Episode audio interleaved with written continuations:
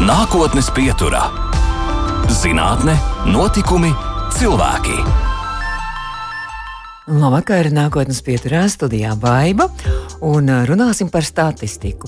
Statistikas kā zinātnes pirmsākuma esot meklējama 17. gadsimta Anglijā, kad valdība sākus publicēt iknedēļas dzimušo un mirušo skaitu. Šobrīd šķiet, ka statistika grib par mums uzzināt un arī zina pilnīgi visu, sākot ar to, cik kilogramu kartupeļu apēda, cik litru piena izdzer vai cik zeķu pārus novākā gada laikā vidē viens Latvijas iedzīvotājs un beidzot ar aprēķiniem par patēriņu precēm un pakalpojumiem, kuriem pērnā gada decembrī salīdzinot ar decembra gadu iepriekš, novērētas cenu izmaiņas. Nu, piemēram, jaunākie statistikas dati liecina, ka sāls un siltumenerģijas cenas kāpušas par 75%, griķiem un kanalizācijas pakalpojumiem par 47%, banāniem gandrīz par 50%, bet mākai par 98%.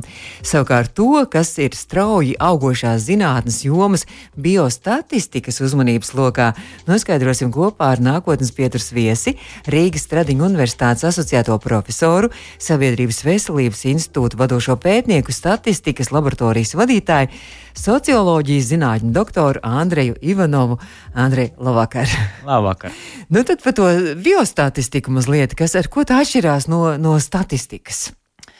Biostatistika atšķiras ar to, ka, nu, ko nozīmē bio. Šajā gadījumā bio ir bioloģijas, un biostatistika ir bioloģijas statistika. Tas nāca viss no bioloģijas. Un uh, ikdiena mūsdienu pasaulē biostatistiķi, kā tādi pārsvarā strādā ar pētījumiem vai nu medicīnā, vai ar veselības aprūpē, vai nu bioloģijā. Uh, Un, eh, tā vēsturiski ir izveidojusies, nu, varbūt pa pēdējiem gadiem, 10 vai 20, ka biostatistiķi visvairāk sākuši strādāt tieši klīniskajos pētījumos, medicīnā.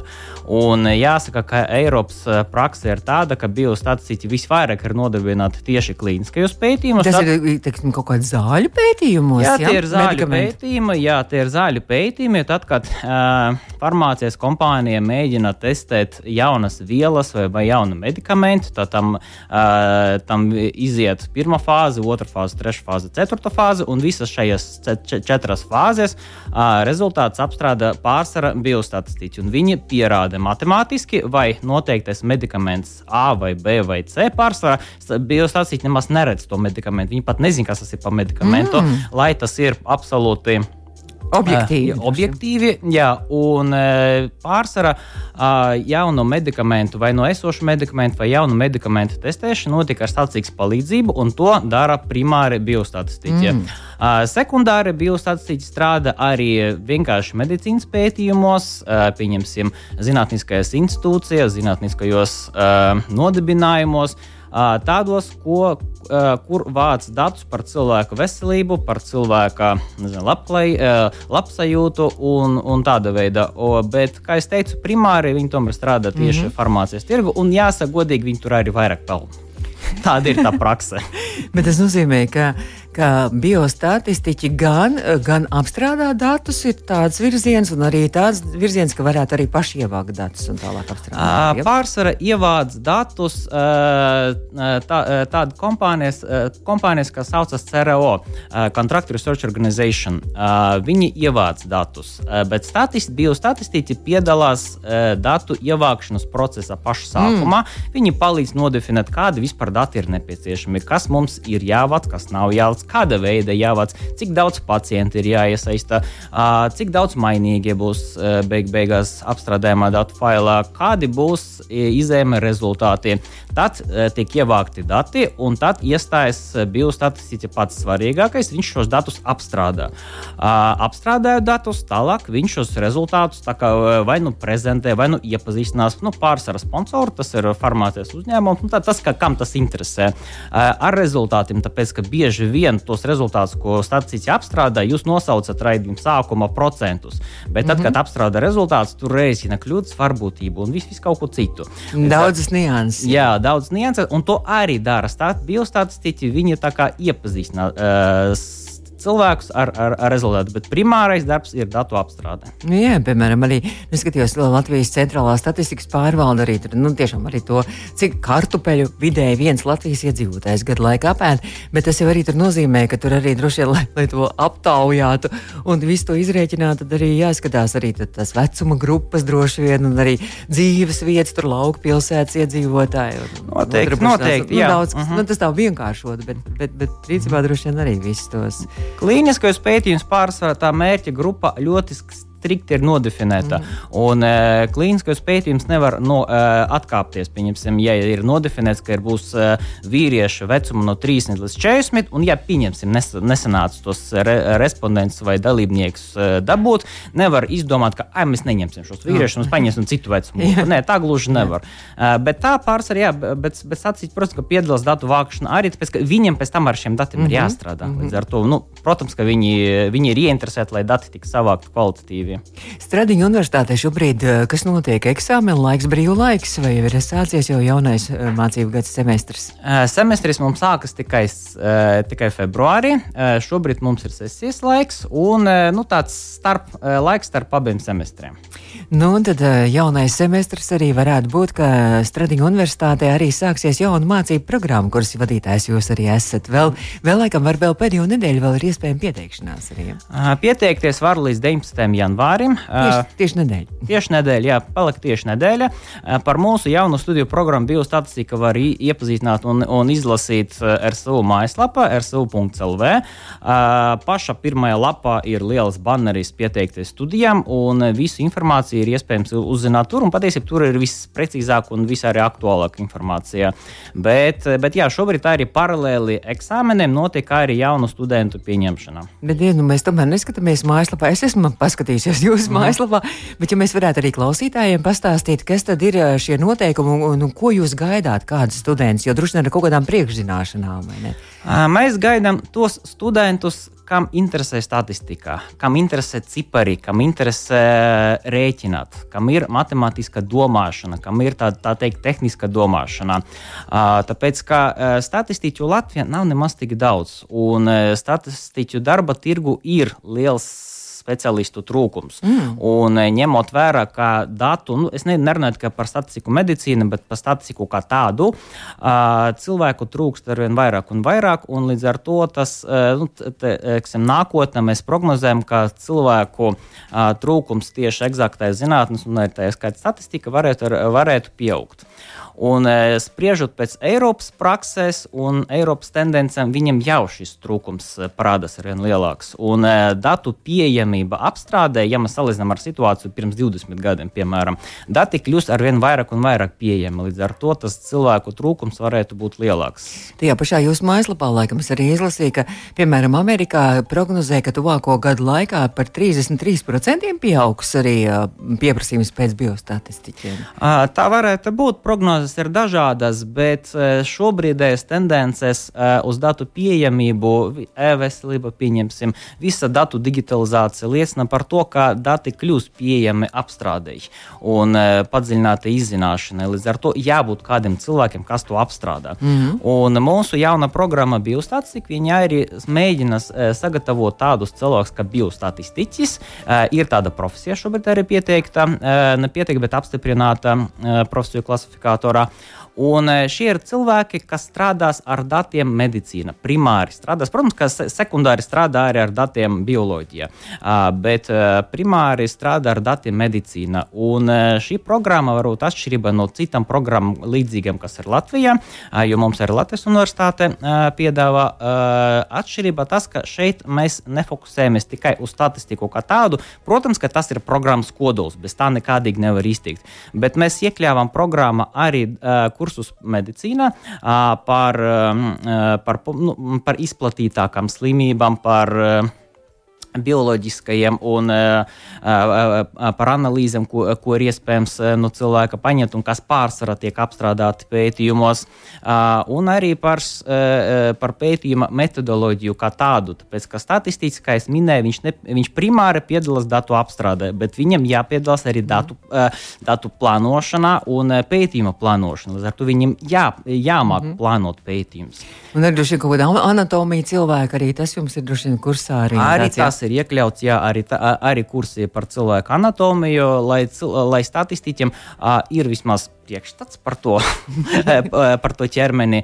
Tāpēc, kā, kā vispār tā ideja radusies, es varu to arī drusku izstāstīt. Jo tad, kad es sāku strādāt ar, ar pētījumu medicīnā, tas ir bijis 2009. gadā pie profesora Vīksnes infektuoloģijas katedrā, un es dabūju pirmos, pirmo datu failu, un es nevaru saprast absolūti neko tajos datos, jo visi apzīmējumi, visi mainīgie bija teiksim, nu, asins analīzes alati, asati, gagate, hialurons kābe. Man tajā brīdī bija pilnīgi vispār ne, nebija skaidrs, kas tas ir. Specifiski medicīniski darīt. Jā, un, un parasti statistiķiem ir šis zin, zināšanu trūkums. Viņi nezina, kas tas ir. Un tā, lai šo uh, zināšanu trūkumu kompensētu, mēs iekļāvām uh, priekšmetus par, jā, par anatomiju, protams, kā kāda ir cilvēka uzbūve, uh, par, uh, par, par visādām analīzēm, ko ir iespējams no cilvēka paņemt, uh, urīna analīzes, asins analīzes un tā, jo pārsvarā uh, statistiķi apstrādā šādu analīžu rezultātus. Un katrā ziņā, man liekas, izklausās ļoti mhm. aizraujoši arī tā programma, ka nav vienveidīga, ka ļoti daudz dažādas nozares satiekās un ka varētu būt arī tas mācību process ļoti interesants. Mm, nozares, savā, jā, no, nozares ir dažādas, un uh, vēl mēs iekļāvām arī uh, kursus par klīniskiem pētījumiem, ko Latvijā arī gandrīz nemācā. Uh, Latvijā nu, uh, nav tik daudz speciālistu, un uh, mēs pieaicinām speciālistu no Zviedrijas, mm. uh, kas ikdienā strādā ar klīnisko pētījumu organizācijas. Mums ir tāds uh, viesprofesors Ziets. Uh, no, viņš 20 gadus strādājis farmācijas uzņēmumā AstraZeneca, un viņš realizēs kursus par klīniskajiem pētījumiem. Tā lai statistiķiem ir sajēga, ko nozīmē klīniskie pētījumi no sākuma līdz pašam, pašam beigām. Kas pārējie mācību spēki būs šeit pat vietējā Latvijas? Um, šajā programmā uh, ir ļoti daudz viespasniedzēju. Uh, tas, uh, uz to mēs gājām no paša sākuma. Uh, programmas izstrādē mēs aicinājām kolēģus no Tartu Universitātes, uh, no Göteborgas Universitātes Zviedrijā un no Upsalas Universitātes mm -hmm. arī Zviedrijā. Un, um, es neatceros precīzi, cik mums ir vietējo mācību spēku un cik ir pieaicināto, bet mums ir ļoti liels viespasniedzēju īpatsvars. Ja? Un programmā daļēji ir angļu valoda, tāpēc, ka, nu, protams, ka nu, vies... starptautiski tā tomēr ir. Jā, un arī, īstenībā arī tā ir praksa, ka klīnisko pētījumu valoda ir angļu. Mm -hmm. Un es pieņemsim, saņēmu no zaļu, mūsu zaļu aģentūras uh, protokols arī visu angļu valodā. Tā, kā, nu, tā ir ikdiena. Es mm -hmm. tā nevaru. Vien arī nu, vien Latvijas kaut kāda arī vadošie speciālisti no biomedicīnas un pētījumu un studiju centra arī droši vien būs arī jūsu programmā. Mums ir sarunāts ar šo mm -hmm. iestādi, eh, ka tā ir prakses vieta mūsu oh. topošiem studentiem. Jā, viņi, protams, kā ir bija interesanti. Laba prakses vieta arī droši vien. Nu, ko mēs turpināsim pēc brīža arī mūsu sarunu? Tagad ir laiks mazliet arī mūzikai. Un nākotnes pieturas vieši šodien ir Rīgas Tradiņu universitātes asociētais profesors, sabiedrības veselības institūta vadošais pētnieks, statistikas laboratorijas laboratorijas vadītājs, socioloģijas zinātņu doktors Andrēs Ivanovs. Nākotnes pieturā. Un mēs turpinām nākotnes pieturu šo raidījumu. Pēc tam arī mūsu mājaslapā audio sētē varat noklausīties un arī podkāstos lielākajās vietnēs Rīgas Tradiņu universitātes asociētais profesors Sabiedrības veselības institūta vadošais pētnieks, statistikas laboratorijas vadītājs, socioloģijas zinātņu doktors Andrejs Ivanovs ir šobrīd nākotnes pieturas viesis un tad par to statistikas laboratoriju, kur jūs jau arī vairākus gadus jau esat vadītājs. Ar ko jūs tur nodarbojaties? Jā, statistikas laboratoriju sāku vadīt 2015. gadā, bet pirms trim nedēļām mēs ar kolektīvu nosvinējām desmit gadus. O, apsveicu! Paldies! Kopš statistikas laboratorija bija nodibināta, mm. viņa bija nodibināta decembra beigās ar, ar senāta lēmumu uh, 2000. Uh, 12. gadā, jā, jo visu laiku mums tiek minēts 13. jo 13. gadā mēs sākam aktīvu darbību, mm -hmm. bet nodibināja 12. gada, līdz ar to decembrī bija 10 gadi. Ko mēs darām? Mm, ikdienā mēs mācām statistiku Stradiņu universitātes studentiem, gandrīz visiem, gandrīz visās programmās. Un mēs mācām statistiku no bakalauriem līdz doktora studiju līmeņa studentiem, un arī kopā ar epidemioloģijas un sabiedrības veselības katedru mēs realizējam studiju ciklu pār pētniecību Stradiņu universitātes docētājiem. Jo docētāji ir darba vadītāji, studentu darba vadītāji, līdz ar to viņam arī tās zināšanas ir nepieciešamas. Bet ikdienā mēs realizējam studiju, studiju kursu statistikā, un paralēli tam, varbūt atšķirībā no citām katedrām, mēs dodam iespēju studentiem konsultēties individuāli par statistiku. Jo viena lieta, tad, kad students apgūst statistiku mācību kursā, bet tajā brīdī, tad, kad viņam ir jāraksta bakalaura vai maģistra vai promocijas darbs, Eh, viņš statistiku aizmirst. Un tad viss ir jāsaka no nulles bez mazliet. Un tad, tad, kad viņam dati ir savākti, tad viņš nāk pie mums uz statistikas laboratoriju. Viņam jāmāk apstrādāt. Jā, viss, jā. un tad mēs viņam palīdzam atsvaidzināt viņa zināšanas, kas ar šiem datiem ir jāstrādā. Tas būtu tāds otrais eh, mūsu uh, uzdevums. Uh, trešais uzdevums mums ir nodibināts labas attiecības ar, ar Latvijas farmācijas uzņēmumiem, tāds kā Olaina Farm vai, piemēram, Silvanols, un mēs viņam palīdzam ar datu apstrādi. Uh, gadījumā, ja šiem pētījumiem, farmācijas uzņēmumiem notiek pētījumi, tad mēs arī pieslēdzamies. Tā ir kaut kāds jauns zāles, ka ievieš, jā? Uh, jā, viņa, uh, jā, piemēram, pēdējais pētījums no Silvanola. Viņa šobrīd testa jauno, nu, ne, neteiktu, ka tas ir zāles, tas ir jauna ierīce, mm. un mēs viņam palīdzējām saplānot pētījumu, aprēķināt, cik respondenti ir nepieciešami, un tālāk arī palīdzēsim ar datu apstrādi un, un to rezultātu publiskošanu. Un ceturtais, galvenais, eh, nu, ne galvenais, bet eh, ceturtais eh, mērķis mums ir dalība zinātniskajos pētījumos. Un tā sanācis, ka vēsturiski mūsu kolektīvs primāri piedalās pētījumā par novecošanos share. Mm. Jā, par pētījumu par novecošanos. Un, par pensionēšanos un novecošanos Eiropā. Un, uh, mēs piedalāmies. Tad tas ir starptautisks pētījums. Ja? Tas ir Eiropas uh mhm. -huh. pētījums. Jā, tajā piedalās visas Eiropas valstīs ar vienotu anketu, vienotu datu vākšanas metodoloģiju. Un uh, notiek eh, viļņaini ik pēc diviem gadiem tiek ievākti dati par to, kā jūtas iedzīvotāji vecumā 50. Plus. Kādi viņi ir ienākumi, veselības stāvoklis. Anketa ir ļoti gara. Patiesībā anketa uz pusotru stundu un ļoti -huh. liels datu, da, datu masas masīvs katru reizi tika ievākts, mēs eh, piedalāmies šajā pētījumā. Eh, no sākuma mēs arī eh, palīdzējām šī pētījuma realizācijā. Tagad mēs vairāk nofokusējamies uz pētījumu datu apstrādi, uz šī pētījuma datu apstrādi, mums ir viens doktorants šobrīd šajā pētījumā, kas, kas, kas ir mūsu darbinieks, un arī, arī doktorants šajā, mm, šajā, šajā pētījumā. Un, kā, bet, ja gadījumā kolēģiem uh, Stradiņu universitāte ir nepieciešama palīdzība statistikā, citos pētījumus, jebkāda joma, onkoloģija, infektoloģija, vienalga kāda. Jūs esat gatavi. Jā, mēs, mēs, mēs protams, ka pied, piedalāmies mm -hmm. un palīdzam, jo publikācijas ir nepieciešamas, un publikācijas pārsvarā medicīna balstās uz kvantitīviem pētījumiem, un kvantitīvais pētījums tā ir statistika. Gribam mēs to vai negribam. Runājot par šo novecošanos, tad kādā situācijā ir, piemēram, Latvija uz pārējo Eiropas valstu fonu? Uh, nu, uh, teiksim, kā, kas, uh, Eh, atkarība no tā, kādu jautājumu mēs skatīsimies un kādu jomu mēs ņemam. Uh, mums ir bijis liels pētījums, uh, tad, kad gāja Covid, mums bija divi papildus Covid vākšanas viļņi, un ir atsevišķi pēt, pētījuma daļās, kur, pieņemsim, Latvija nemaz tik slikti neizskatās, pieņemsim, savstarpējas palīdzības jomā, kā mūsu bērni palīdz saviem vecākiem tikpat daudz, cik palīdz, pieņemsim, Eiropas bērni saviem vecākiem. Bet tas, kas attiecas attiecībā uz ienākumiem Latvijai tomēr pensionāri nav tā pārticīgākā sabiedrības daļā, un vai pieņemsim attiecību uz izdevumu struktūru. Arī mūsu pensionāri proporcionāli vairāk terē naudas mājokļa apmaksai, medikamentiem, jā, nekā salīdzinājumā ar pensionāriem, pieņemsim, Skandināvijas valstīs, kur šis īpatsvars ir krietni mazāks, un viņi var vairāk naudas atvēlēt ceļojumiem, piemēram. Jā. Tas ir arī novērots. Jā. Jā, tiešām. Bet ir kaut kāds arī tāds statistikā, ir arī kaut kāds uh, tendences, kaut kāda moda, pie, piemēram, kā arī šo statistisko uh, statistikas datus arī kā pasniegt, kā viņus uzskatām, arī parādīt dizains, tā teikt. Tas arī pie jums pieder, pie jūsu lietas. Mm, protams, ka pieder. Statistika patiesībā ir diezgan konservatīva zinātne no vienas puses, tāpēc, ka attīstās lēnai, nu, 2 plus 2 ir 4 pēc pieciem gadiem pēc desmit gadiem.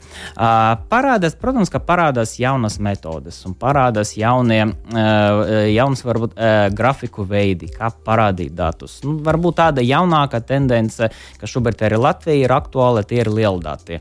Un, no sākuma tas vairāk parādījās varbūt ekonomikā un attiecībā uz patērētāju uzvedību, bet tagad ar vien vairāk šī tendence iet arī medicīnā.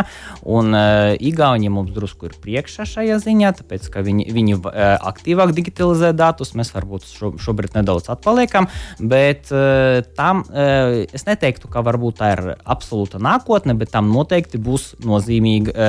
Tas būs nozīmīgi turpmākajos gados, 5, 10, 100 punkti. Kāda ir jūsu studenti? Vai viņiem ir interese un liela atsaucība ir arī šajā statistikas nozarē zinātnēs? Protams, ka nu, studenti ir dažādi. Un ir cilvēki, kas ir ļoti interesēti, un ir cilvēki, kam statistika nepatīk. Un, pieņemsim, ja skolā matemātikā studentam negāja, tad viņam nepatīk arī statistika. Tā kā matemātikai jābūt labai, jā, pamatzināšanai. Jābūt, jābūt matemātiskai domāšanai, dom, domāšanai jā. bet uh, neteiktu, ka uh, mēs esam tā riebīga struktūra vienība, var, ka, vai tas ir tas lielais bu, tas bubulis, kas visiem nepatīk, bet tajā pašā laikā ir studenti, jā, kam varbūt būs statistika, kas gāja uz medicīnu un ir pārsteigti, ko dara statistika medicīnā. Mm -hmm. Kāpēc mums ir jāmāca statistika, ja mēs atnācam kļūst par mediķiem. Bet šobrīd medicīna ar vien vairāk un ciešāk ir saistīta ar zinātni, tāpēc ka zinātnē attīstās, pētījumi notiek, un tas, kas bija aktuāli piemēram, pirms desmit gadiem, varbūt nav aktuāli šobrīd. Un tā jauna aktualitāte tika pierādīta tieši ar statistikas palīdzību. Un, e, ņemot vērā, ka statistikai tā loma ar vien pieaug un pieaug. Uh, Mediķim ir jāsaprot statistikas pamatlietas, lai lasot jaunas publikācijas, viņš saprot, ka jā, šī lieta pierādīta pamatot, e, pilnīgi, vai tomēr nepilnīgi. Līdz ar to mēs e, šobrīd studiju kursā medicīna ir iekļauts statistikā arī. Arī runājot par šiem biostatistiķiem, ir īpaši arī, man liekas, ka pēdējo gadu laikā, kad mēs visu pasauli gaidījām šīs vakcīnas, un viss tagad acīm redzot arī biostatistiķi šajā mm, vakcīnu klīniskajā izstrādē un pētniecībā arī ārkārtīgi lielu lomu arī spēlēja. Kamēr bija pandēmijas laiks, protams, ka primāra loma bija epidemiologiem. Tur nekā. Bet aiz epidemiologiem vienmēr nāk statistiķi. Tāpēc, ka epidemiologi sagatavo datus, sagatavo pētījumu, un mēs statistiķi apstrādājam. Kā, protams, ka visu vakcīnu, kas šobrīd ir pieejams uh, tirgo, protams, ka visas tika pārbaudītas ar mm. statistikas metodēm. Mēs turpināsim vēl pēc brīža. Andrejs Ivanovs, Tradiņu universitātes asociētais profesors, šobrīd statistikas laboratorijas vadītājs, ir mūsu viesis. Nākotnes pieturā - zinātne, notikumi, cilvēki. Nākotnes pieturā mēs turpinām sarunu ar mūsu šīs dienas viesu Sabiedrības veselības institūta vadošo pētnieku, arī statistikas laboratorijas vadītāju socioloģiju zinātņu doktoru Andreju Ivanovu. Un, Andrej, bet kā tad jūs nonācāt līdz tai biostatistikai? Droši vien tad jūs sākāt savas mācības un, un sākumā bijāt vienkārši statistiķis. Ja? Nē, jums nav taisnība. Oh. Jūs pareizi pieminējat, ka es esmu socioloģijas doktors. Es neesmu statistiķis un es neesmu mediķis. Oh. Es esmu sociologs un es nonācu no socioloģijas. Un es iestājos Stradiņu universitātē 2001. gadā bakalaura socioloģijā.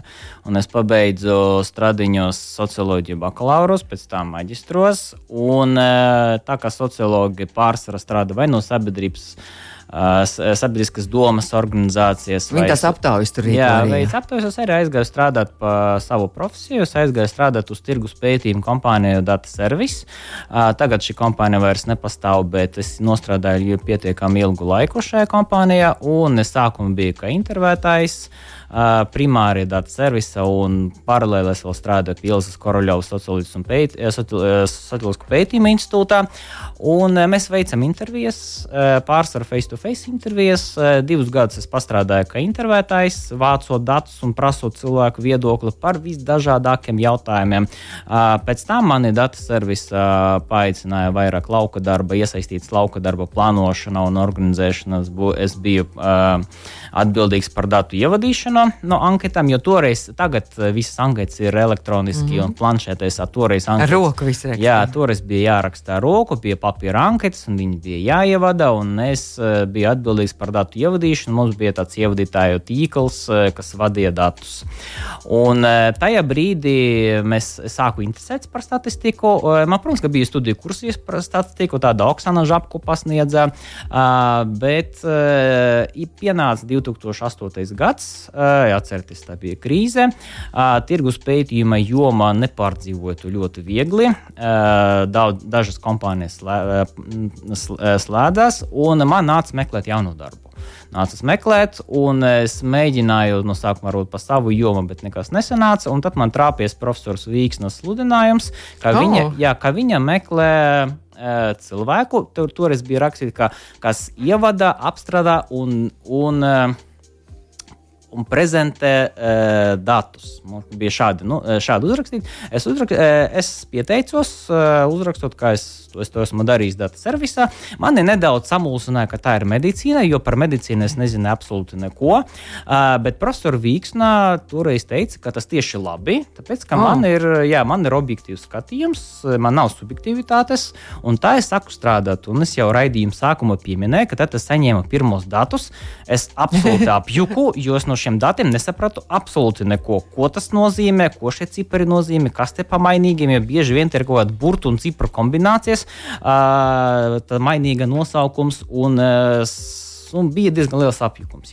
Pa paralēli bija pašam ļoti daudz jāmācās. Un tajā brīdī man nācās, eh, gribi vai negribi, tu sāc strādāt medicīnā, tu sāc tas, eh, tā, to lietu apgūt. Ja tu, es, pieņemsim, sāktu strādāt, nezinu, pieņemsim, kosmosa kuģu kompānijā, protams, ka sāku, sāku varbūt apgūt arī to lietu, bet eh, tā kā es sāku medicīnu strādāt, tad es arī man nācās apgūt infekcijas slimības, jo toreiz es sāku strādāt infektoloģijas katedrā.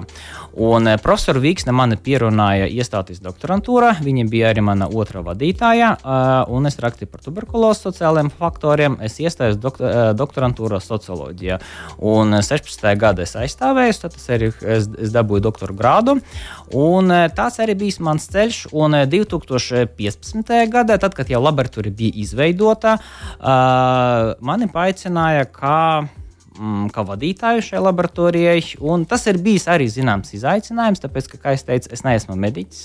Mm. Uh, bet gribi vai negribi, tu sāc iedziļināties lietas, un uh, tu sāc saprot, sa, saprast tas lietas. Jā. Bet tā doktora disertācija, ko jūs par tuberkulozi arī veicinošiem faktoriem rakstījāt, tas it kā ir vēl aktuāli, jo liekas, ka tuberkuloze tā ir slimība, kas ir izskausta, bet acīm redzot, tomēr ir vēl. Mm, Latvija, ir vēl. Latvijā tuberkuloze nav izskausta, un šobrīd es vairāk neatceros precīzi statistiku, cik Latvija Latvijā tuberkuloze izplatīta, bet tajā brīdī, kad es rakstīju, salīdzinājumā ar Eiropas valstīm, tuberkuloze bija viena no izplatītākajām slimībām. Salīdzinājumā ar, cit, eh, salīdzinājumā, piemēram, ar Eiropas mm. valstīm bija augstāki saslimstības rādītāji nekā citas Eiropas valstīs. Šobrīd tik aktīvi nesekoju līdzi, jo tas ir bijis 16. gada aizstāvējos.